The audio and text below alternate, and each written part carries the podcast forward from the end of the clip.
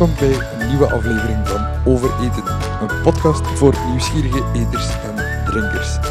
Elke aflevering ga ik op zoek naar culinaire kennis, leuke verhalen, gastronomische avonturen en hoop ik om zo meer te weten over eten. Ik ben Stijn de Schacht. Welkom bij een nieuwe aflevering van Over Eten. Mijn eerste liefde was muziek. Music was my first love. Want naast eten is muziek volgens mij een van de weinige dingen die mensen kan samenbrengen zonder het gesproken woord. Van over de ganse wereld, uit verschillende landen, ongeacht de huidskleur, ongeacht de cultuur, ongeacht de taal, gaan mensen door het dolle heen voor hun favoriete muziek en komen ze ook samen daarvoor. Vorig jaar, 2020, was dat misschien iets minder, maar ik ben ervan overtuigd dat het in de toekomst de festivals en de concerten gewoon weer zijn zoals we gewoon waren. Ik heb het geluk gehad om in mijn veelzijdige carrière ook een tijd lang met bands te kunnen werken en de wereld rond te kunnen reizen. Een van die bands was het Nederlandse Epica. Vandaag zit ik samen met Rob van der Loo, bassist van Epica, leraar aan de Metal Factory, oprichter van Rock Central Music Coaching, maar ook iemand die ik op tour heel snel herkende als een echte foodie. Rob, welkom bij Overeten. Herken jij jezelf als een echte foodie? Uh, Jazeker. Ja, dat is uh, zoals je al uh, heel mooi net zei. Inderdaad, muziek is natuurlijk passie nummer één, maar ik denk dat, ja, dat voeding daar vrij snel op aansluit. Ja. Eerst en vooral, muziek, ja, dat is jouw beroep ondertussen. Jij bent met heel veel verschillende dingen bezig. Hoe ben jij muzikant geworden? Ja, let, eigenlijk letterlijk spelenderwijs kun je gerust zeggen. Ik ben zelf, ja, kom uit een redelijke muzikale familie, kun je zeggen. Uh, mijn ouders waren ook altijd wel heel erg ja, ervoor om ons te zorgen dat mijn broer en ik dat we muziekeducatie kregen. Dus uh, ik ben volgens mij, hoe was ik toen? Acht jaar. Toen ben ik begonnen met saxofoon. Het was meer eigenlijk van, oké, je moet een instrument uitkiezen. Ik had geen idee welk instrument ik wilde kiezen, maar ik vond een saxofoon er wel mooi uitzien. Dat mooie blinkende koper, dat wilde ik wel eens proberen. Nou, achteraf bleek dat niet zo'n verstandige keuze te zijn, want het was qua lessen vond ik het verschrikkelijk. Het was heel stoffig en als via als met boekjes en dergelijke. Ja, en ik ben iemand van gewoon doen en luisteren en aan slag gaan. En ik ben toen ik eh, als puber ben ik overgeschakeld op de basgitaar. Daar heb ik toen geen les in gehad. En toen moet ik zeggen, toen ging het eigenlijk best wel, eh, best wel rap. Ik ging al eigenlijk vanaf dag één al in bandje spelen. Uh, ook wel grappig om te weten, mijn allereerste schoolbandje waar ik in speelde, dat was met mijn klasgenoot Roel van Helden, ook wel bekend als de drummer van de band, uh, Duitse band Powerwolf. Wij samen, wij hebben samen in een allereerste bandje samen gezeten. Ja, toen, en ja, vanuit daar ben ik gewoon eigenlijk steeds verder boven, ja, elke keer een schepje er bovenop gedaan. Dus elke keer als ik een, eh, een bandje tegenkwam wat weer net wat beter is, waardoor ik qua niveau kon meegroeien, ja, ging ik over. En zo heeft zich dat beetje bij beetje opgebouwd. En voordat je het wist, eh, stond je in poppodia te spelen. Voordat je het wist, stond je dan in één keer op een festival te spelen. En zo heeft zich dat beetje bij beetje opgebouwd. En uh, ik ben toen na mijn studie in Eindhoven, ik heb eerst chemie nog gestudeerd. Toen ben ik eigenlijk aan de slag gegaan uh, op de Rock Academie in Tilburg. En vanaf, eigenlijk vanaf toen ben ik eigenlijk fulltime met muziek bezig uh, ja, aan de slag gegaan. Als je dan met muziek bezig bent, je begint de bandjes te spelen dan mhm. ga je natuurlijk uh, in verschillende concertzalen terecht. Uh, wat heel veel mensen niet weten, is dat elke band, klein of groot, iets heeft wat een rider heet. Uh, in het begin, als je in het begin met bandjes bezig bent, ja, dan weet je dat niet. En dan staat er misschien een bakje bier op. maar gaandeweg kom je natuurlijk in concertzaaltjes en daar staat meestal een cateringtafel. Mm Ja, dat klinkt bekend. In mijn tijd, toen ik nog vaak op, op tournee ging, dan herkende ik de locaties aan de hand van de catering. Ja, en soms en eh, vaak ook het land ook, hè? Absoluut. Hoe belangrijk uh, is, is die catering voor jou op zo'n tournee? Ja, ik, ik stiekem toch wel belangrijk hoor. Ik vind het gewoon, uh, zeker inderdaad, natuurlijk als je gaat toeren, dan vind ik het, ja, eten is heel belangrijk. Want ja, het zijn lange dagen die je maakt. Uh, dus het is fijn om met een goed ontbijt te beginnen, een uh, fatsoenlijke lunch te hebben, natuurlijk een fatsoenlijke avondmaal uiteraard. Maar ja, je komt soms in bepaalde situaties terecht. Van, het kan heel erg wisselen. Ik moet zeggen, we zijn natuurlijk tegenwoordig, omdat natuurlijk zeker zo'n band als Epica ja, al natuurlijk al een, best een bepaald niveau heeft, dat we dan vaker ook natuurlijk voor onze eigen catering zorgen. Dat we gewoon een bedrijf inhuren uh, dat er staat. En zeker in landen als bijvoorbeeld Duitsland vind ik het altijd zo op en top in orde. Dan krijg je bij wijze van spreken nog zeg maar twee verschillende soorten ontbijt, twee verschillende lunch, twee verschillende soorten avondmalen. En dan heb ik niet over dat je de keuze hebt tussen vegetarisch en vlees of wat dan ook, maar gewoon dat ze dat gewoon echt in twee verschillende shifts bij wijze van spreken doen. Dus er staat de hele dag door, staat er gewoon vers eten. Ja, dat is een, uh, een behoorlijke luxe. Zeker ten opzichte uh, van, van hoe dat er vroeger aan toe ging. Want zoals je zelf al zei, van, ja, soms kon je al blij zijn als er bij spreken een krat bier en een zak chips stond. Uh, ja, dat is nu al even een andere koek. Dat bakje bier en, en, en uh, de zak chips. Wanneer had je door in je eigen carrière van, ja, als wij iets vragen, dan komt dit hier ook wel op tafel? Nou ja, goed. Uh, dat, dat, heeft er ook vooral mee te maken van... uiteindelijk betaal je er zelf ook voor. Dus dit, gaat allemaal, er is een budget natuurlijk. er is een bedrag voor, voor, voor, een show, voor wat er allemaal aan, aan faciliteiten is. Dus ja, daar ben je zelf bij. Kijk, er is inderdaad een tijd van, zeker zoals het in Nederland toe gaat, is, ja, daar heb je te maken met gesubsidieerde zalen. En er zijn heel veel dingen vaak best oké voor elkaar natuurlijk. En dan moet je inderdaad gewoon communiceren en dan kan het vaak wel geregeld worden. Maar ja, zoals op tour gaan of wat, dat is dan natuurlijk van afhankelijk van hoeveel geld de band heeft. Ja, in het begin, zeker als je nog net een beetje moet opbouwen, ja, dan, dan is, zijn dat vaak een van de eerste dingen waar ingesneden wordt, helaas. Terwijl ik dat eigenlijk volkomen onzin vind. Ja, want mensen die niet weten hoe het verloopt op zo'n tour, ja, je kruipt in een, uh, in een busje. Uh, het is niet altijd een uh, grote bus met, uh, met bedden in het begin. Of een limousine. Of een limousine, ja, zoals jij ondertussen al gewoon bent. nee. je kruipt in een busje. Ja, in een busje, daar is er helemaal geen mogelijkheid om te gaan koken. Dus ja, dan, dan ben je een beetje afhankelijk van de organisatie. Ja, dat klopt. En, uh, en, is, en, zoals we dus bijvoorbeeld dus straks al zeiden, van, het scheelt ook eens een keer per land. Bijvoorbeeld, zo is het bijvoorbeeld in de Verenigde Staten heel gebruikelijk dat je een zogenaamde buy-out krijgt. Oftewel, er is inderdaad een budget voor, voor eten. Maar ja, hier heb je je, je 10 dollar, ga maar wat halen. En ik kan je ook zeggen, vaak is dat ook maar beter ook. Want ja, sommige van die zalen moet je niet aan denken dat ze daar staan te koken. Omdat we de backstage, ja, we zijn best wel, ik kan je zeggen dat we best wel verwend zijn hier in Europa. Want soms is er nog niet eens een backstage in Amerika. Dan moet je het gewoon letterlijk met je tourbus doen. Maar het voordeel is van die tourbus bijvoorbeeld in Amerika. Die hebben vaak wel leuke keukentjes erin zitten. Dus ik heb ook soms dat ik wel eens uh, bijvoorbeeld in de Verenigde Staten zegt... Nou, weet je wat, ik heb hier mijn 10 dollar. Ik ga eventjes naar de Walmart even boodschapjes doen. Ik ga gewoon lekker zelf koken. Dat is natuurlijk een luxe die je in Amerika hebt. Maar op Europese tourbussen zit geen echte keuken in uh, gebouwd. Nee, Nee, daar, daar zit een magnetron in, een koffiezetapparaat, er zit een toilet in. En je hebt natuurlijk wel de, genoeg koelkasten vaak in zo'n bus zitten. Dus uh, qua drank geen probleem. Maar ja, ik ben niet zo'n grote drinker. Uh, dus ja, daar hoef ik het niet van te hebben. Dus dan ben je inderdaad wel degelijk afhankelijk van uh, ja, de catering van zo'n zaal. Als je even terugkijkt op jouw rijke carrière, wat zijn zo in het begin een aantal food herinneringen die je hebt? Als ik in nou, laten we dan maar meteen eventjes beginnen met, met, de, met de minder goede herinneringen. Ik weet niet dat ik mijn allereerste show had in eh, het Verenigd Koninkrijk, voor de, ver voor de Brexit-periode. Toen uh, had ik een show in Birmingham. En toen was er ook, we kwamen al vrij vroeg aan in die zaal. Het was een soort van een ja, semi-festivalletje. Er speelde volgens mij iets van, van zes bandjes en wij waren daar nou, toevallig wel de headliner band. Uh, dat was met Delane overigens. En Toen zei ze van ja, het, eten komt er zo aan. De catering is geregeld. En ik denk, oké, eh, nou interessant, leuk. Maar waar kwamen ze mee aanzetten? Want er stond nou echt letterlijk, er was geen keuken daar backstage. Er stond een magnetron. Ik denk, oké, het zal wel. Misschien hebben ze ergens gewoon maaltijden voorbereid. En dan hier kan je een magnetron zetten. Dat gebeurt ook wel eens. Nou ja, goed. Ben niet per direct op tegen. Maar wat kwam er nou aan? Ze hadden dus, uh, ze kwamen aan met pudding diepvriespizza.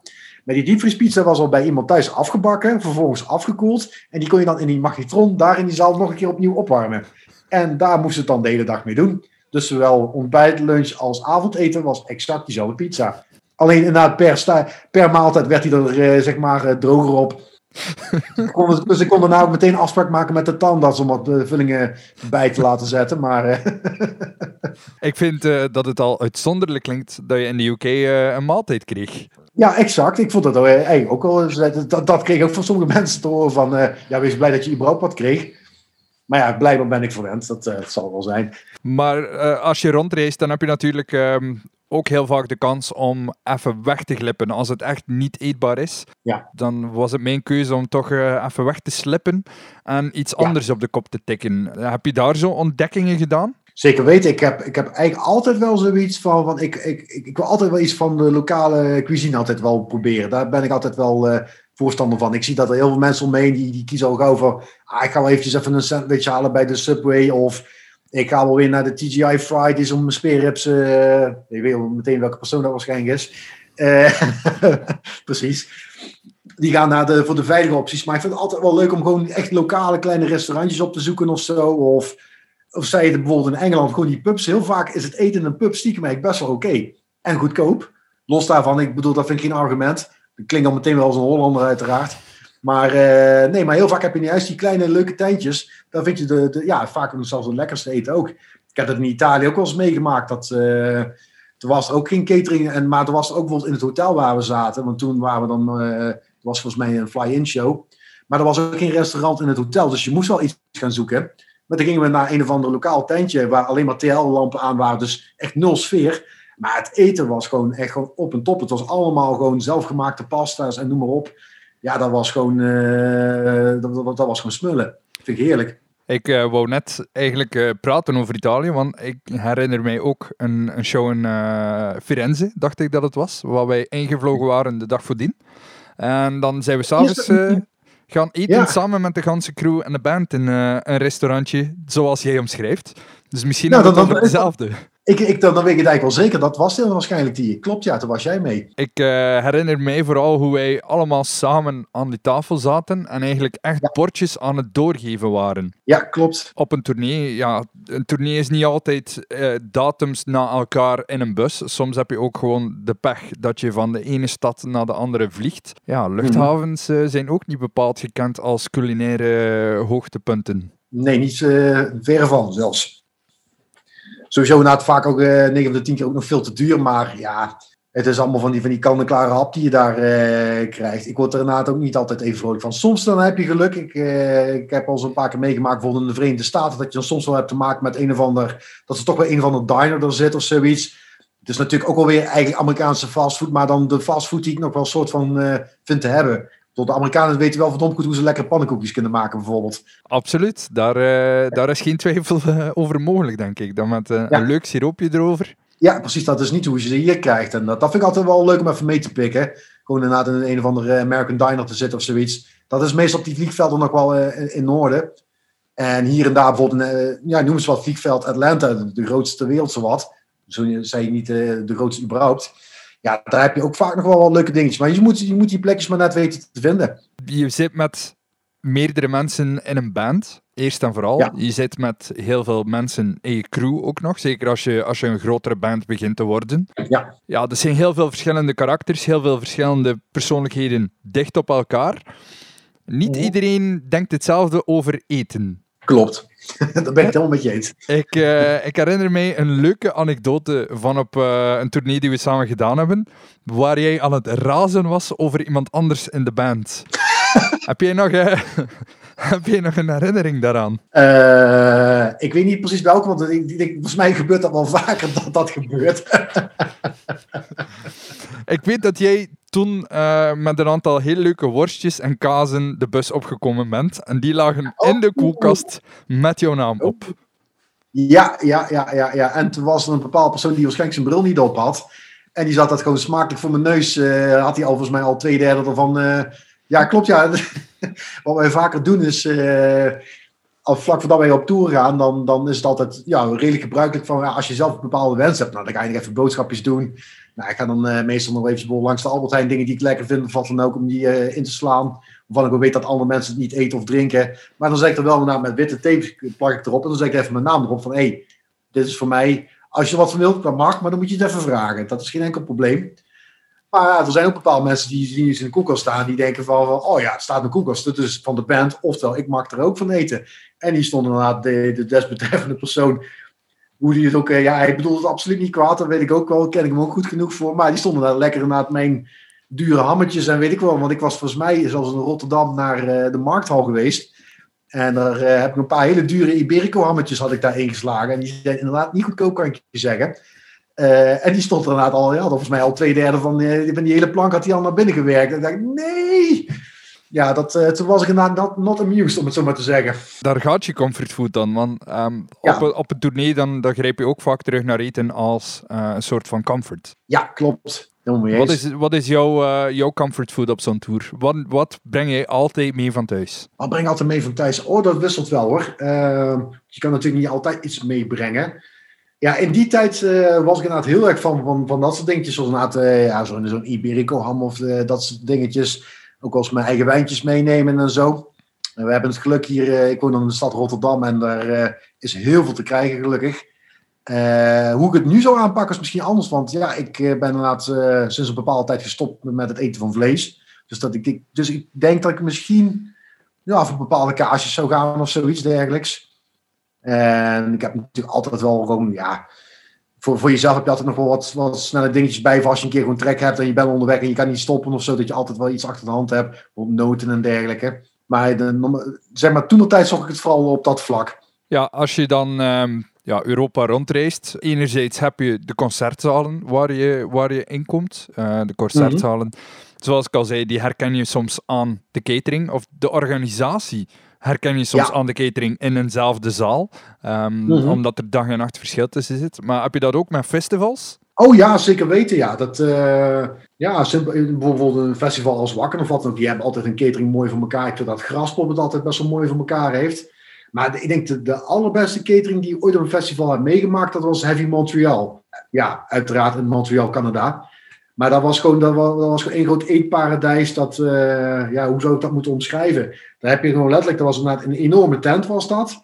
En dan kwam je binnen in de gang en er stonden letterlijk allemaal gewoon kraampjes eigenlijk. En dan dacht je van, oh, dat moet ik betalen. Nee, dat was onderdeel van de catering. Dus je kon kiezen van of je gaat naar de barbecue afdeling, of je gaat naar de, weet ik veel, naar de, de Japanse noedelafdeling, of je gaat naar de Italiaanse afdeling. En zo kon je dat allemaal afgaan. Dat, zag er echt gewoon uit als, nou, zoals ik al zei, allemaal losse kraampjes, losse ondernemers die daar stonden met hun eigen restaurantje. Maar dat was dus blijkbaar onderdeel van de, van de totale catering. Daarna kwam je in een losse gang met aan allebei de kanten echt compleet alleen maar koelkasten. Allerlei verschillende drankjes die je kon uitkiezen. Hetzelfde ging voor de desserts. Dat ging maar door en dat ging maar door. Dat was één groot ja, cateringfestijn, om het zo maar te zeggen. Dus ik heb eigenlijk ook amper bands gezien. We zaten de hele dag, ik ben alleen maar daar in de zon te hangen met zo'n dikke buik daar uit te buiken. En te kijken van, nou, wat kunnen we in de volgende ronde meepikken? Want het was, het was ook eens een keer ja, onbeperkt. Want je, als je een bandje om had, mocht je gewoon pakken wat je wilde. Het was niet zo van bonnetje hier, één bordje eten en dan doe je het mee. Het was gewoon onbeperkt. Er bestaat een programma als Man vs. Food. Zou je gewonnen hebben die dag? Ja, exact. Ja, absoluut. ik denk dat ik me meer van die catering kan herinneren dan van de show zelf, ja. Uh, geloof me, ik heb heel wat zaken uh, of zalen liever waar ik me ook meer kan herinneren van welke catering er staat dan hoe de shows daar geweest zijn.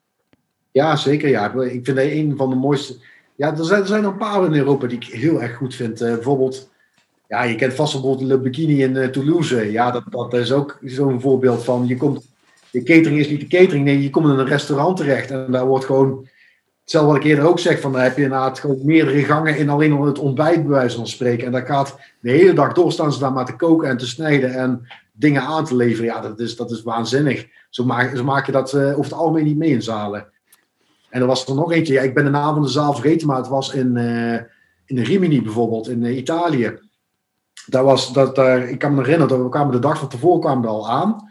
Uh, er was toevallig zo'n, zo'n uh, we waren onderweg naar een festival toe. En toevallig was er die show daar uh, geboekt.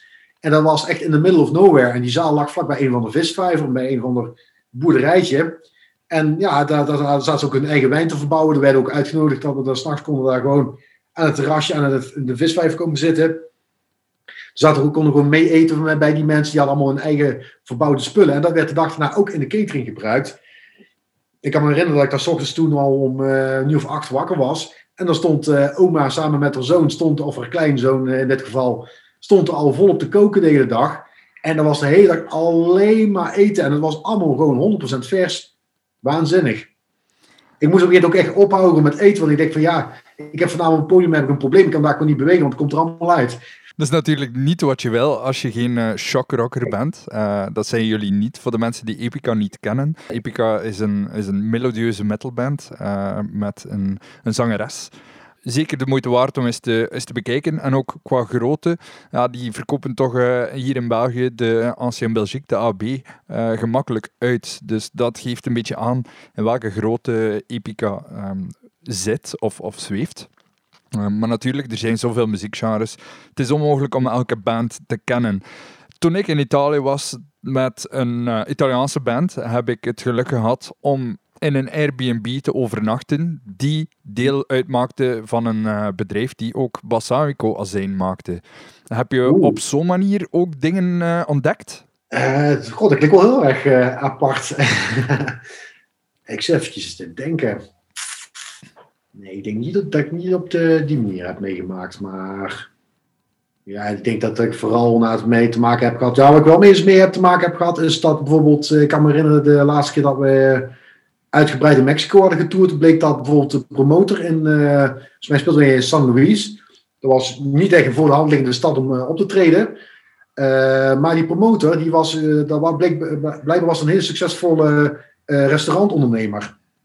En die ging toevallig proberen als promotor ook wat werk te doen, want hij had iets met muziek, dus hij ging dat maar eens proberen.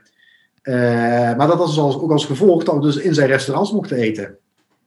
Ja, en dat was gewoon, gewoon, dat was gewoon Michelin-ster eh, waardig, gewoon, uh, wat we daar kregen. Dat was niet normaal. We gingen e-, even lunchen. Nou, dat was gewoon, dat restaurant was speciaal voor ons opengegooid. En dat was, ja, dat was op en top. Dat is gewoon, valt met geen pen te beschrijven wat voor niveau eten je kreeg. Dat was niet even lunch.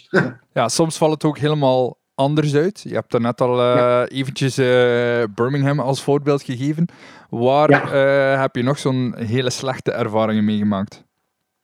Nou ja, ik probeer het altijd heel erg te relativeren. Wat is slecht en wat is goed. Je moet het natuurlijk uh, per situatie aankijken. Maar, uh, nou, laten we zeggen, een heel mooi voorbeeld vond ik bijvoorbeeld een keer in Peru. Hadden we een show.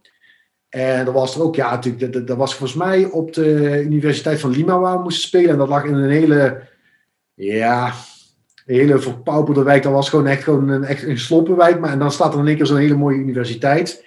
Dus ja, dan kan je wel raden dat er is geen restaurant daar in de buurt ze moesten terug naar het centrum toe. Maar we hadden ook niet zoveel tijd. Dus we werden gedumpt bij een of ander ja, restaurantje waar ze van alles deden aan vlees en aardappelen. Want dat, ja, dat is gewoon de keuken daar.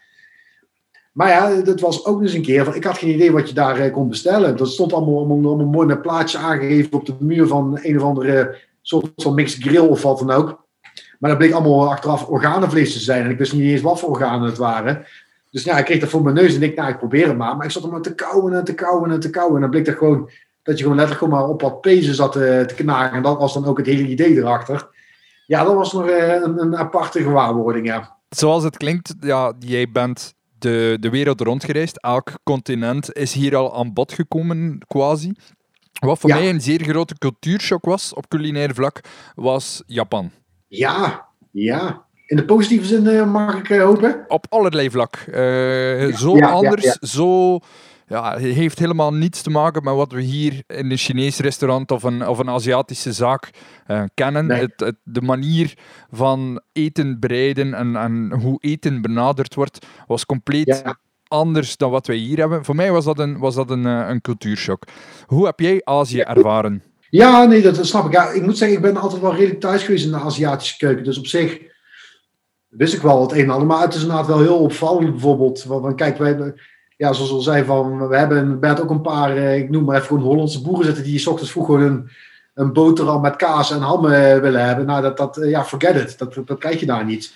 Dat, uh, voor ochtends vroeg zit je al meteen al aan de noedels en de gefermenteerde bonensaus en weet ik wat allemaal. Ja, dat trekt niet iedereen. Ja, ik vind het heerlijk. Ik, vind, ik heb er geen moeite mee hoor. Maar ja, en s'avonds ook. Van, dan ga je naar een van de Japanse restaurant en dan, dan komen ze bijvoorbeeld met gefermenteerde vis aanzetten. Ja, het ziet er inderdaad verdomd verrold uit, maar het was ook verdomd lekker.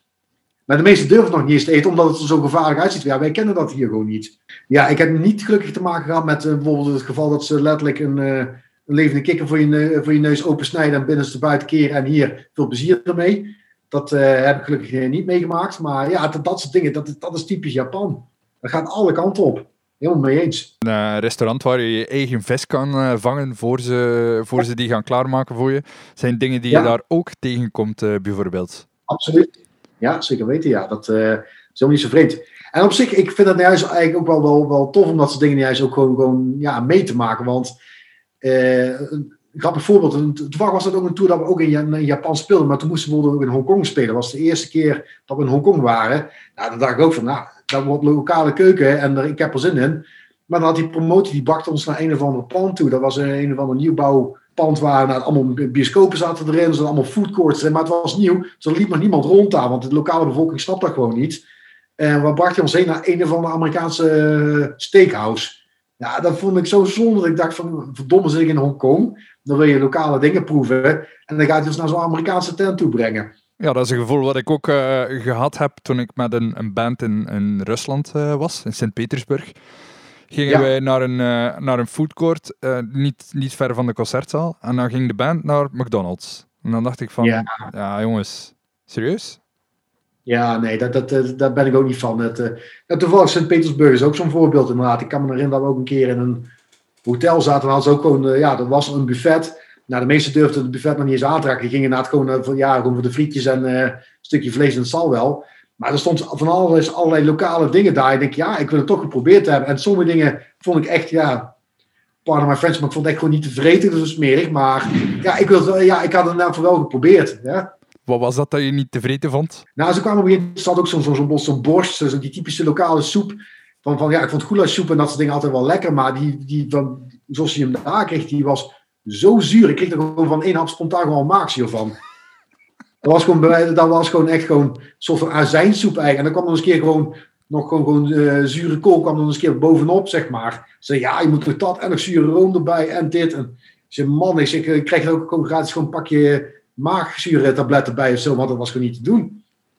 En zei, nee, nee, dat is gewoon heel normaal hier. Oké, ja, ik, ik, vond het, ik vond het niet te hebben. En dat leg ik niet jammer. Waarschijnlijk een, eh, een eh, acquired taste, om het zo te zeggen. Ja, ja, ja, ja, we het daar maar even op houden, ja. Een acquired taste, eh, die, die vind je overal ter wereld natuurlijk, niet enkel in Rusland. Eh, Marmite is ook zo'n acquired taste. Eh, zijn er nog Ja. zo'n dingen waar je, waar je dacht van, ja, dit, dit is hem, toch niet? Nee, ja, wat, ik ook een keer grappig vond. ik weet dat de eerste keer met band Mayan waren we op tour in, ook in Mexico bijvoorbeeld. En ze wilden ook graag iets lokaals eten.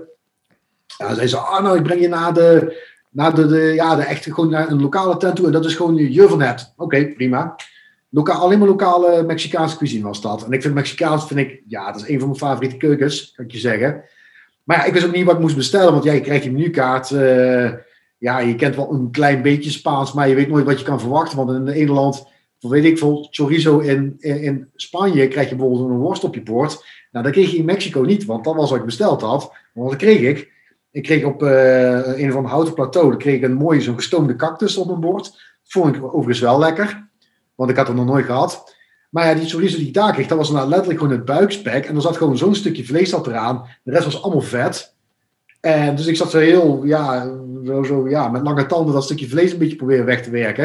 En toen zei ze juist van, ja, nee, dat vlees moet je juist laten liggen. Het gaat om het vet wat je opeet. Ah, de chicharron. Ja, ja, ja, ja, precies. Ja, de chicharron eh, vind ik heerlijk. Ja, ja, ja, dat was even voor mij, ja, dat was even, ik denk dat dat gewoon puur mentaal was, even omschakelen. Want ik heb dat bijvoorbeeld in, in China ook een keer meegemaakt. Dat, ook, eh, dat was de eerste keer volgens mij dat we daar waren. Dat is ook echt een enorme tafel voor ons klaargemaakt. Die tafel die draait maar de hele tijd rond. En je kan maar pakken en doen en laten wat je wilt. Maar dat is daar ook buikspek. En dat was gewoon echt letterlijk inderdaad gewoon eh, gebakken vet eigenlijk. En het ziet er eigenlijk, ja, wij zijn dat hier niet gewend natuurlijk. Maar ja, de meeste van ons die durven dat niet te eten. En ik dacht van ja, het ziet er heel erg feestelijk uit. Dus ik wil het toch eens proberen. En ja, ik, ik snijd erin. Ik zie inderdaad dat dat letterlijk gewoon puur vet was. En ik ging bijna over mijn nek eigenlijk van, puur van de gedachte. Maar toen had ik het op nou, het was gewoon fluweel zacht wat je in je mond kreeg. Het was super lekker. Ik vind het heerlijk als het vet zo ver weggesmolten is, dat het gewoon... Ja, dat het, je neemt het in de mond en je krijgt gewoon een smaakbom waar eh, het vet wegsmelt. Dat je niet het gevoel hebt dat je op, op iets taai aan het komen bent. Precies. Dat is, eh, als je ooit een speenvarken doet op het spit, dan het stuk achter het oor, dat gebeurt Ja. ook daar. Dat vind ik fantastisch. Eh, Ja, heel ja, veel smaak, heel veel smaak. En toch fluweel zacht en niet vet. Ja, absoluut. Dat is ook zo, ja. En dat is nog bij sommige gerechten. Heb je dat nou eenmaal dat gewoon eh, het vet een heel belangrijk onderdeel is? Dat is hetzelfde als de eerste keer als je een, een, echte, een echte spaghetti carbonara hebt. Ja, dat moet, dat moet van, van, van de wangspek eh, gemaakt worden. Dat moet je niet met bacon doen en eh, gerookte troep en zo allemaal. En, daar, en dat is een en al vet, maar daar, daar zit wel de smaak van. Ja. Kook jij ook nog altijd eh, thuis heel veel? Ja, zeker wel. Ja, en nu al natuurlijk helemaal. ja, nu ik zo na- meer thuis zit, is het vooral natuurlijk thuis veel koken. Ja, ik moet zeggen, ik probeer ook nog wel een beetje de lokale restaurants waar ik altijd heen ga, nog een beetje te, te spekken. Door er wel geregeld wat af te halen en zo. Maar zeker in deze dagen. Maar eh, ja, zeker. eh, thuis eh, probeer ik weer, zoveel mogelijk te koken, uiteraard.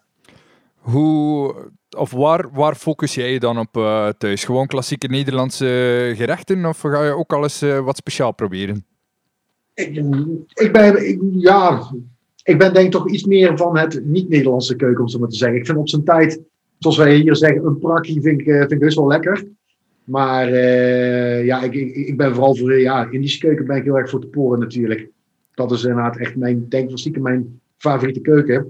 En nu, nou, zeker nu ik ook ben gestopt met vlees eten, heb ik vooral daar op dat vlak geprobeerd om zoveel mogelijk vegetarische gerechten te maken. En dat kan heel makkelijk bij die keuken. Want heel, eigenlijk was eigenlijk van nog niet zo bewust mee bezig in het verleden. Maar stiekem heel veel gerechten zijn al vegetarisch of zelfs vegan in principe. Hoe heb jij jouw liefde voor de Indische keuken uh, ontdekt dan? Uh, opvoeding. Uh, ik kom oorspronkelijk uit Venlo, Limburg. En ja, heel veel mensen, bijvoorbeeld, we hadden heel veel mensen in de familie ook die bijvoorbeeld aangetrouwde mensen met, met van Molukse afkomst hadden, of Indische maakt niet uit waar vandaan. En in Nederland is dat sowieso best wel een dingetje natuurlijk, omdat natuurlijk wij het ook verleden, het verleden hebben met India als kolonie natuurlijk.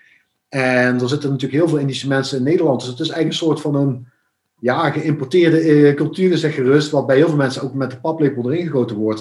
En in mijn geval was dat ook zo, want uh, er zat inderdaad in onze kennissenkring kennen heel veel mensen natuurlijk die, die van Molukse afkomst waren. En die krijgen dat er ook natuurlijk met de paplepel erin gegoten.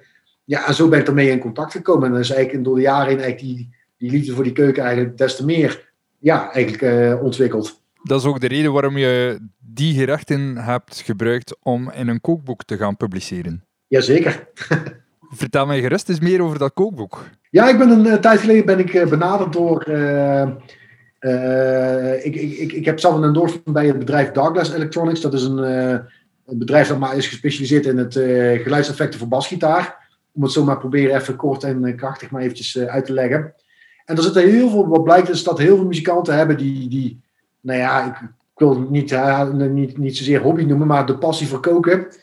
En uh, toen zijn ze met, met een uh, initiatief gekomen om een kookboek samen te stellen van artiesten die bij Darkness Electronics zitten. En het schijnt inderdaad dat er heel veel, ja, of hobbykoks zaten, of mensen die inderdaad al een keer veel voor kookcursussen hebben gedaan, of nou voor heel veel hebben met het koken. Ja, en mij herinneren ze er ook nog van dat ik er natuurlijk heel erg mee bezig ben. Nou, toen hebben ze gevraagd van, ja, kan je een aantal recepten uitwerken en dan publiceren wij dat in ons kookboek. Nou, dat was heel leuk om te doen. Welke andere artiesten uh, zijn nog gepubliceerd in dat boek? dat gaat echt van, van, van, echt van death metal tot pop.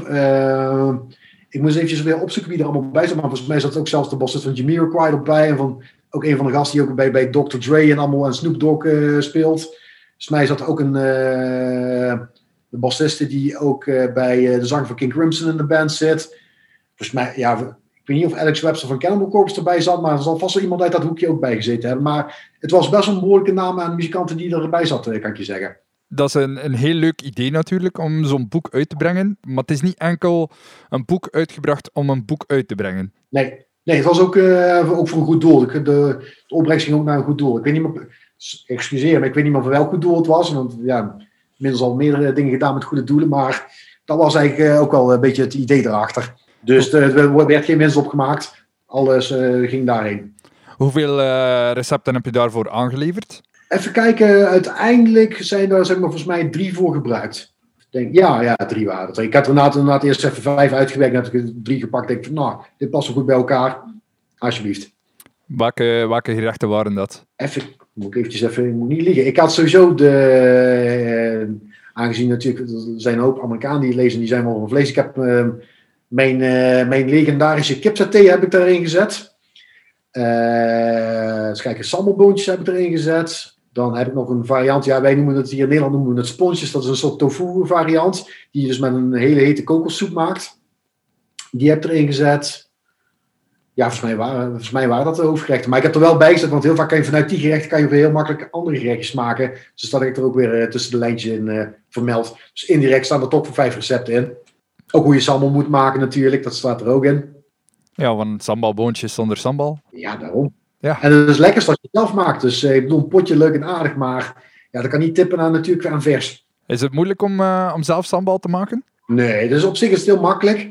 Tenminste, de basis is heel makkelijk. Maar je moet alleen uiteraard uh, snappen hoe die smaken werken. En uh, je moet gewoon een aantal keer gedaan hebben dat je en een beetje je draai ziet te vinden. Dat is sowieso met die hele Indische keuken. Van, je, hebt, je hebt natuurlijk al bepaalde basisrecepten, maar heel vaak gaat het werken ze daar met familierecepten. En dat is altijd weer iedereen die zijn, zo zijn eigen twist aangeeft. En heel vaak is dat ook gewoon traditie daar dat je het geheim houdt. Want het brengt blijkbaar uh, ongeluk als je het deelt met mensen die niet uit de familie komen. Ja, maar daar heb je duidelijk geen probleem mee. Nee, daarom, want ja, weet je, ik heb geen Indische roots, dus hé, hey, het zit niet bij mijn familie. Dit ganse ongeluksjaar 2020, dat is duidelijk niet jouw schuld. Nee, absoluut niet. Nee, het was al begonnen voordat ik met die recepten begon, dus hé, hey, hè? Maar zijn er nog zo dingen waar je mee bezig zou willen zijn op vlak van eten? Dit is natuurlijk een, uh, een leuk moment, maar ik heb toch altijd het gevoel dat er bij jou nog meer uh, kan uh, uitgehaald worden. Oh, zeker wel. Ja, ja, er zijn altijd van. Ik zou eigenlijk stiekem. Dat, daar ben ik nooit bij stilgestaan. Maar ik zou me toch echt wat meer willen verdiepen in desserts. Ja, misschien maar beter voor de buik om het maar niet te doen. Maar ja, daar ben ik nooit echt zo thuis geweest. Ik ben altijd wel iemand geweest van. Meteen al voor de, ja, voor de hoofdgerechten. En ben een enorme. ik hou enorm van soepen bijvoorbeeld. En zoals ik al zei, ja, Indische keuken, dat is een van mijn favoriete keukens natuurlijk. En daar ben ik altijd wel aan thuis geweest. Maar op zich zou ik wel eens een keer nog wel een keer willen verdiepen in meer de, de zoete kant dan wat meer van uh, en bakken en zo. Ja, want ik zag bijvoorbeeld op de website van jullie label of op het YouTube-kanaal van jullie label, Nuclear Blast, dat er een aantal andere muzikanten eigenlijk ook ja, kookfilmpjes aan het maken waren. Ja, ja. Zie jij jezelf ja, als, uh, als uh, celebrity musician slash celebrity chef? Nou ja, why not? Hè? Ik zie het hier zelf niet. Ik bedoel, ik woon, we wonen gewoon in appartementjes. Om het hier op te nemen is denk ik niet zo handig. Maar ja, wie weet een keer een, een kookstudio afvuren om te filmen. Als ze mij ervoor zouden vragen, dan, nou, dan zou ik het wel doen, ja. Dan meteen de chicken satay of heb je nog een arsenaal aan recepten die je dan kan bovenhalen? Ik verzin wel wat. Komt wel goed. Naar de toekomst toe. Jij kijkt er waarschijnlijk hard naar uit om terug het podium op te gaan. Um, ja, zeker. Voorlopig is het nog onduidelijk hoe dit gaat evolueren, liever. Wat staat er nog op, jou, op jouw to-do-lijstje? Of op je verlanglijstje, liever? bedoel je qua wat ik nog zou willen eten? Of, ik, ik bedoel maar, je hebt het geluk om de wereld rond te reizen met de band. Jij komt op plaatsen waar uh, heel veel mensen niet zomaar komen. Uh, je wordt er quasi voor betaald om in sommige plekken aanwezig te zijn. Dat biedt ook opportuniteiten die andere mensen niet hebben. Ik bedoel, ik heb zo een stuk van Nieuw-Zeeland kunnen ontdekken doordat ik daar op tournee geweest ben. Ik heb in China dingen kunnen eten doordat ik daar aanwezig was. Ik heb ooit in Griekenland een week langer gebleven om een aantal dingen te kunnen gaan proeven. Uh, zijn dat zo dingen waar je naar uitkijkt die nog op jouw verlanglijstje staan? Oh ja, zeker weten, ja. ja, ja. ja nou, dan snap ik zeker wel wat je bedoelt. Kijk, ik, wat ik sowieso eigenlijk al heel graag een keer wilde doen, is naar ik, ik wil nog een keer heel graag naar het echt op mijn gemakje bijvoorbeeld naar Japan gaan, naar, naar Australië, Nieuw-Zeeland. Dat zijn natuurlijk wel, dat, dat zijn van die reizen, ja, dat maak je niet zomaar eventjes natuurlijk. Dus, uh, en volgens mij was ook oorspronkelijk, hadden wij volgens mij ook eigen planning staan rond deze tijd hadden wij volgens mij, ja, dat is nooit op de website terechtgekomen, hadden wij volgens mij ook een optie voor een show in Tokio. Uh, als sterker, dat was volgens mij in september al van, uh, van afgelopen jaar. En daar had ik eigenlijk al een soort van, van uh, halfweek gedacht van, ah, dan misschien dat ik er nog twee weken ervoor kan plakken, dat ik alvast daarheen ga. Dat ik dan ook de vrouw meeneem, want die is er ook nog nooit geweest. Om dan ja, lekker op ons gemakje daar rond te kijken. En ja, en ook natuurlijk ook de locatie natuurlijk te bekijken, maar ook natuurlijk van de lokale ja, keuken natuurlijk te proeven. Dat is altijd natuurlijk weer een avontuur, vind ik. Welke foodie destination, om het zo te zeggen, is bij jou het hoogst aangeschreven? Oeh, oeh dat is een goeie. Welke staat bij mij hoogst aangeschreven?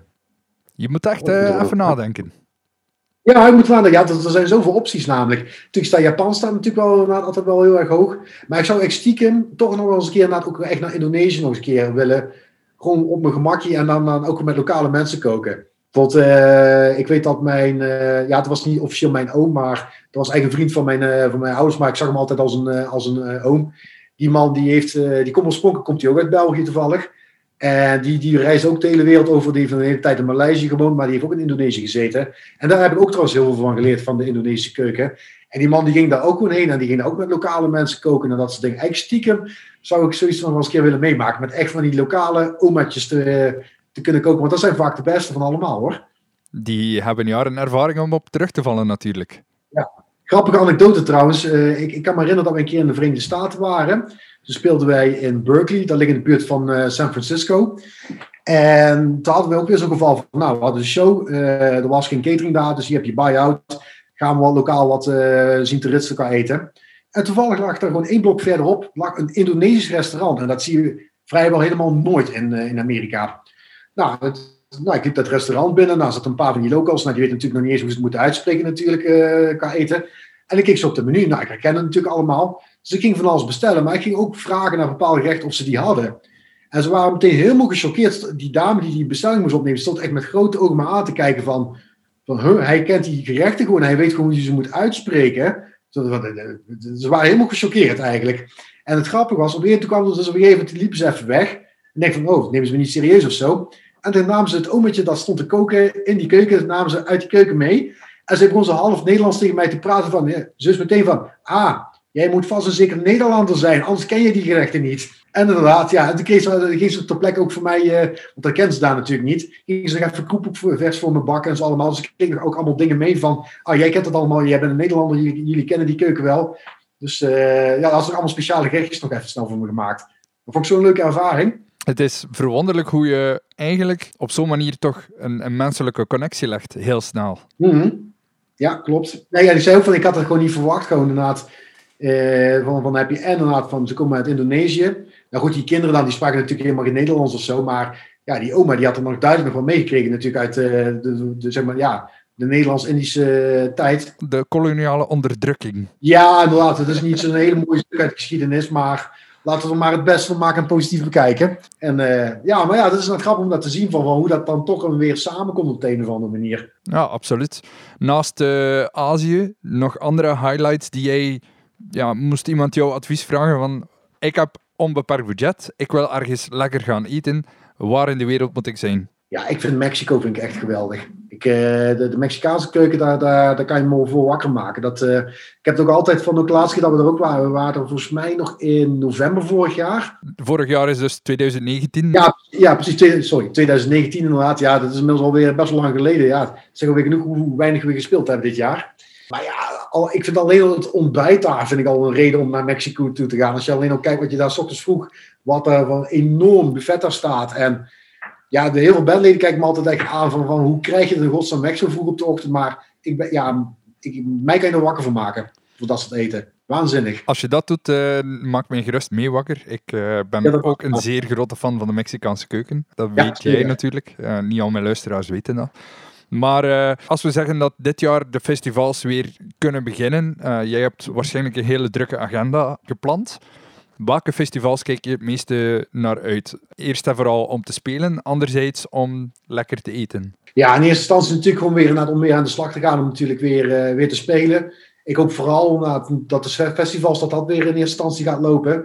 Dat is eigenlijk het eerste waar we natuurlijk naar kunnen uitkijken. Want laten we heel realistisch zijn, tot en met juni ja, dus uh, ik denk dat voorlopig nog. Uh, ik, weet wat heel veel mensen vergeten is natuurlijk van: oké, stel op het vaccin is en het werkt is leuk, maar dan moet nog de voorbereidingen gebeuren weer om festivals op gang te krijgen. Dus ik hou me hard vast, laat het daar even, even bij houden. Dat terzijde, ja, ik kijk weer vooral uit natuurlijk naar het spelen en weer het reizen, maar eigenlijk stiekem ook alweer, ja, precies wat we nu zeggen, want nu komen alweer van dat soort herinneringen naar boven van, ja, ik zie het alweer voor me van de wekker gaat en ik ga naar beneden naar die lobby toe en naar het restaurant, er liggen allemaal al die net, ja, die, die helemaal diverse uh, tortillas liggen allemaal weer klaar en noem maar op en noem maar op.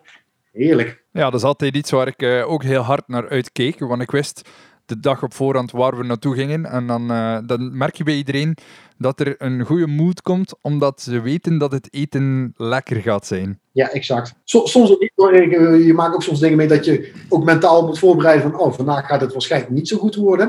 Ik weet bijvoorbeeld, dat was ook, uh, vorig, dat was ook een aan 2019, diezelfde tour, ik zei net van Mexico.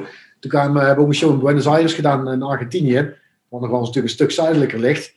Uh, we hadden namelijk bijvoorbeeld één avond keken we enorm op uit. Om, uh, er was een of ander restaurant waar we al meerdere keren waren geweest. En dat was een, ja, je kent het wel, het zijn meer van die vleesschuren van, ja, waar je inderdaad alles, inderdaad, je, je zet je bordje op groen, komen ze alles brengen. Zet je het op brood, dan heb je even pauze natuurlijk. Maar dat was wel een hele goede en daar hadden ze van alles. Dat ging echt letterlijk van, ja, lokale vleesgerechten tot, wij spreken tot sushi, wat ze daar stonden klaar te maken. Alleen ja, dat restaurant zat er nog wel, met een andere eigenaar. En dat, ja, ik vond het niet, ik, ja nee, het, was niet best. De kwaliteit was nu echt een vleeskuur geworden. In de zin van, van dat je nou maar een paar dollar hoefde te betalen. Dus eigenlijk voor ja, voor het geld was er niks voor te zeggen. Maar ik vond het, nee, ik heb, ik heb er letterlijk gewoon een saladetje gehad. En ik ben, ben al, ja, volgens mij al na een half uur ben ik weer weggelopen daar. Dat was zo'n aanfluiting. Jij hebt nu een paar maanden geleden uh, gestopt met vlees eten. Uh, die ervaring ga je niet nog eens meemaken. Nee, nee, niet met dat, nee. dat klopt. Ja, vegetarisme wordt heel vaak bekeken als een tweederangs optie, als niet zo belangrijk. Uh, laat gewoon het vlees even weg. Uh, ben je niet bang dat je misschien uh, toch een paar teleurstellingen gaat moeten verwerken in de toekomst? Oh, vast wel. Kijk, ik, ik heb wel van... ik eet wel nog één, één keer per week zo ongeveer nog wel vis. Daar sta ik wel nog wel voor open. En ook, natuurlijk ook voor de gezondheid. ik vind het toch belangrijk om daar toch wel het, het een en ander binnen te krijgen natuurlijk. Ja, ik weet, ik weet dat het, het, kan, het kan moeilijk zijn. Ik kan me nog herinneren dat uh, onze gitarist Isaac bijvoorbeeld, die heeft een tijdje geprobeerd uh, veganistisch te zijn. Ja, dat was, dat was na zeker toen hij in, Zuid-Amerika en in de Verenigde Staten was. Ja, Verenigde Staten, bepaalde stukken is dat nog wel oké natuurlijk. Maar dat, dat, kan, dat kan een behoorlijke teleurstelling zijn. Zeker als je in Zuid-Amerika zit, ja, tel maar op dat je groenten krijg je vaak niet. En dan moet je met de aardappelen doen. Ja. Een van mijn, van mijn favoriete herinneringen aan uh, een, een, vegan maaltijd was in Polen. Toen kreeg ik een bordje rijst met wortels en ketchup. Ja. Nou, daar word je niet vrolijk van. Nee, daar word je zeker niet vrolijk van. Dus dat, wat alle gaat, moet men daar ook op voorbereiden. Maar ja, goed, eh, misschien dat ik me dan ook... Uh, ja, afhankelijk van, natuurlijk van hoe we daar gaan toeren, misschien wat meer dingen van thuis moet meenemen of meer boodschappen moet doen en dan zelf maar dingen voorbereiden. Nu, ik kan gelukkig je meedelen dat de situatie in 2021 voor vegetariërs en veganisten al veel beter is dan de situatie in 2003. Want nu kun je uh, ziek eten aan, uh, aan vegan cheesecake. Uh, ja, ja, was, was onmogelijk te vinden 20 jaar geleden. Ja, en dan ook zelfs allemaal die vleesvervangers. Ik heb laatst nog even boodschap gedaan en een van de burgertje gekocht. Ik dacht dat ik gewoon echt letterlijk. Het, het is van, ik proefde eraan van, oké, er zit een van de nasmaakje aan. Oké, dit is geen vlees, maar de hele textuur en hoe sappig het was, dat is gewoon, het is gewoon akelig. Het is echt gewoon eng waar dat heen gaat. Dat had ik ook met de, eh, mijn eerste kip van de vegetarische slager. Uh, Toen dacht ik van, hé, hey, uh, jullie hebben een foutje gemaakt. Ja, ja klopt. Ja, ja dat is... Uh, ik heb in eerste instantie ben ik ook omgeschakeld naar, gewoon naar het vegetarisch, ook, ook mee ook voor gezondheid. Want dat is ook een dingetje op tour. Eh, het valt mij ook vaak op. Op tour eet ik meestal probeer ook te, te, vermijden om zwaar te eten. Want ja, zeker eh, vaak heb je natuurlijk rond, ja, zegt rond 7 uur etenstijd. Maar ja, je moet wel om half negen moet je alweer omgekleed klaarstaan voor die show. Dan kan je niet zwaar gaan zitten eten. Ik, ik kan maar zelf nog maar een klein bordje op, puur dat ik een bodempje heb. En that's it. En je wil je ook niet meer na de show gaan liggen volvreten om uh, vervolgens met maagzuur in bed te liggen. Dus op toe eet ik meestal sowieso lichter. Maar dat, dit heb ik ook geprobeerd om dat, zeg maar, ja, gewoon thuis ook te doen. Want het gevaar is als ik thuis ben, dan kan ik lekker veel koken. En dan kan ik twee keer opscheppen. Ja, dat, dat, dat, uh, die kilo's die vliegen snel aan dan op die manier. Dan rol jij het podium op uh, de volgende tour. Rol ik het podium op, maar vooral vanaf, ja. ja, nee, dat, uh, dat probeer ik juist op die manier te vermijden. Maar ja, dat, dat, dat is inderdaad een van de redenen waarom ik zeg dat daar ook ben omgeschakeld. Is ook natuurlijk om gewoon, ja, gewoon lichter te eten eigenlijk en meer plantaardig te eten. Ik merk gewoon dat mijn lijf er beter op reageert. Ja, en dan, dan, maar, dan moet ik maar wat opofferen hier zo nu en dan op tour. Maar ik weet ook wel naast, zoals je net ook al zei, van het is in de tussentijd al zo enorm verbeterd. Uh, en zeg niet dat ik alleen maar mik op dan de vleesvervangers, om het zo maar te zeggen. Want tot een bepaalde hoogte vind ik het af en toe dat ik ook, ook een beetje, het doel ook een beetje voorbij streef natuurlijk. Maar ja, goed. Uh, we, gaan het zien en ik, ach, er komen ook wel weer doorheen. Het, het, grappigste wat ik denk mee heb gemaakt, wat ik net zei, is dat, bijvoorbeeld toen onze gitarist Isaac, die tijdelijk uh, veganistisch, hij wilde het nou voor proberen, ja, die kwam ook van de koude kermis thuis. En ik weet nog dat we een keer in, in Florida zaten. En toen gingen we eten bij, bij de Bubba Gump. Dat is dan zo'n ja, eigen garnalenrestaurant, gebaseerd op de, de franchise van, van Forrest Gump. En had hij, zei hij ook van, nou, we kregen nu. Ik dacht meteen, ah, dat moet wel lukken. Zeker als een visrestaurant, moet vast iets vegetarisch zijn te krijgen. Nou, dat tegen, kan je zeggen. Vegetarisch was wel op de regen, maar ja, veganistisch, dat was nog een tweede ding natuurlijk. Want toen vroeg hij van, ja, hebben jullie ook iets, iets, ja, iets vegan op de, op de kaart staan? Zei hij, ja, we hebben broccoli en we hebben ook nog wel gefrituurde paprika. Nou ja, oké, nou goed, dan gaan we daar maar voor. Nou, dan komt hij kreeg hij een portie inderdaad broccoli en een portie paprika voor zijn neus. Maar allebei waren overgoten met, met, met kaas. Wamp, wamp. Ja, exact. Nou, eh, wij lagen allemaal helemaal natuurlijk in, in, in, in de scheur van de lachen. Maar uh, ja, Isaac was not zo amused. Die werd een stuk chagrijniger, uh, kan ik je zeggen. Om maar weer eens uh, terug te grijpen naar eten kan je moet op een tournee helemaal verpesten of helemaal goed maken. Ja, klopt. Ja, ja, dat heb ik zelf ook wel eens meegemaakt. Ik denk van, ja, dat ik ook wel eens dingen op mijn bord kreeg. Dat ik, wat zit ik nou naar binnen te schuiven? En dan, ja, laat maar. Ja, ik ben verwend, ik weet het. Maar ik denk dat het een, een normale menselijke reactie is om, om zo op, op ja, naar iets uit te kijken en dan een teleurstelling te, te verwerken. Uh, maar zeker, ja, eten zorgt dat je dat je, show met verven kan uitvoeren of, of je werk. Uh, in mijn geval, ja, ik, was geen, ik was geen muzikant, maar ik, ja, als je toch een buikje vol hebt, dan kun je toch op een, op een goede manier je werk leveren. Ja, zeker. En, en, en dan helemaal ook van, natuurlijk als het ook gewoon de, de ervaring zelf, als dat gewoon genot is geweest, ja, dat, dat, dat, dan merk je aan iedereen dat uh, in één keer iedereen met een glimlach naar buiten loopt. Ja, en herinneringen, ja, die blijven natuurlijk. Een van de herinneringen voor mij die ik eh, blijf koesteren was dat Italiaanse restaurantje in, in Firenze. Uh, ja. De mozzarella die daar uh, doorgegeven werd aan iedereen, uh, blijft gewoon een van mijn, van mijn favoriete herinneringen met jullie. Ja, zeker. Dat, ja, ik kan me dat ook nog goed herinneren. Het grappige is dat ik ook, ik kan me daar ook van herinneren, want ik had toen, smiddags ben ik toen met onze drummer Arie, zijn we toen daar wezen lunchen. En ik heb toen s'avonds hetzelfde gerecht genomen als wat ik voor lunch heb genomen. Zo lekker dat ik het vond. Heerlijk zo'n momenten. Wat, ja. ja. wat staat er nu nog op de planning 100% confirmed voor Epica? Ja, eh, sowieso de plaatrelease natuurlijk. Onze plaat komt uh, eind februari gaat die uitkomen. Uh, tussentijd gaan er nog een paar singles uh, gereleased worden. Ja, als deze podcast uitkomt, dan is die al gereleased. En dan kun je die waarschijnlijk vinden op je favoriete streamplatform of uh, bij de Betere Platenzaak. Ja, precies. Zeker, zeker gaan checken. Ik hoop dat de platenzaken TCT inderdaad gewoon weer normaal open zijn. Ja, voor de rest, we hebben natuurlijk wel het een en ander staan qua festivals voor, voor 2021. We, gaan ook op, we staan ook als een van de headlining bands op Alcatraz. Dus beste mensen uit België, ga dat lekker checken. Het is een leuk festival. Uh, dus, dus, er komen nog meer opties, die moeten nog helaas nog aangekondigd worden. En natuurlijk moeten we nog eventjes aankijken hoe het gaat, maar laten we gewoon maar eventjes positief zijn. En voor de rest, ja, we gaan pas echt toeren, in, zoals het er nu uitziet. Zo eind 2021 hebben we nog een toertje staan voor Zuid-Amerika met een paar data die we nog hadden in te halen. en er gaan waarschijnlijk een paar data bijgeplakt worden. En heel concreet staat er voor 2021 een Europese tournee ter promotie van de nieuwe plaats. Samen met uh, Apocalyptica gaan we een co-headline uh, tour doen. dat is een vrij uitgebreide Europese tour. En dat zal, volgens mij was het januari, februari, maart. Die periode. Dus dat betekent dat er nog altijd wat ruimte in jouw agenda zit voor een nieuw kookboek. Ja, zeker weten. Zou je, zou je het willen doen? Staat niet, staat niet per direct op mijn, uh, op mijn verlanglijstje, maar ja, waarom niet? Het lijkt mij wel superleuk, ja. Goed, dan uh, ga ik mijn vingers kruisen dat er binnenkort een uh, Rob van der Loo kookboek beschikbaar is. vol anekdotes van op alle tournees. misschien met recepten uit de ganse wereld. Het is maar een idee. Hopelijk breng ja. ik je op een idee en mogen we dat binnenkort in, in handen nemen.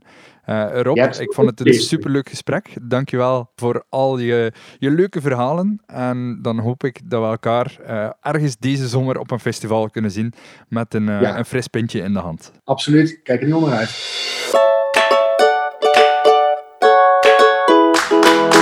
Bedankt om te luisteren naar Overeten. Vond je het een leuke aflevering?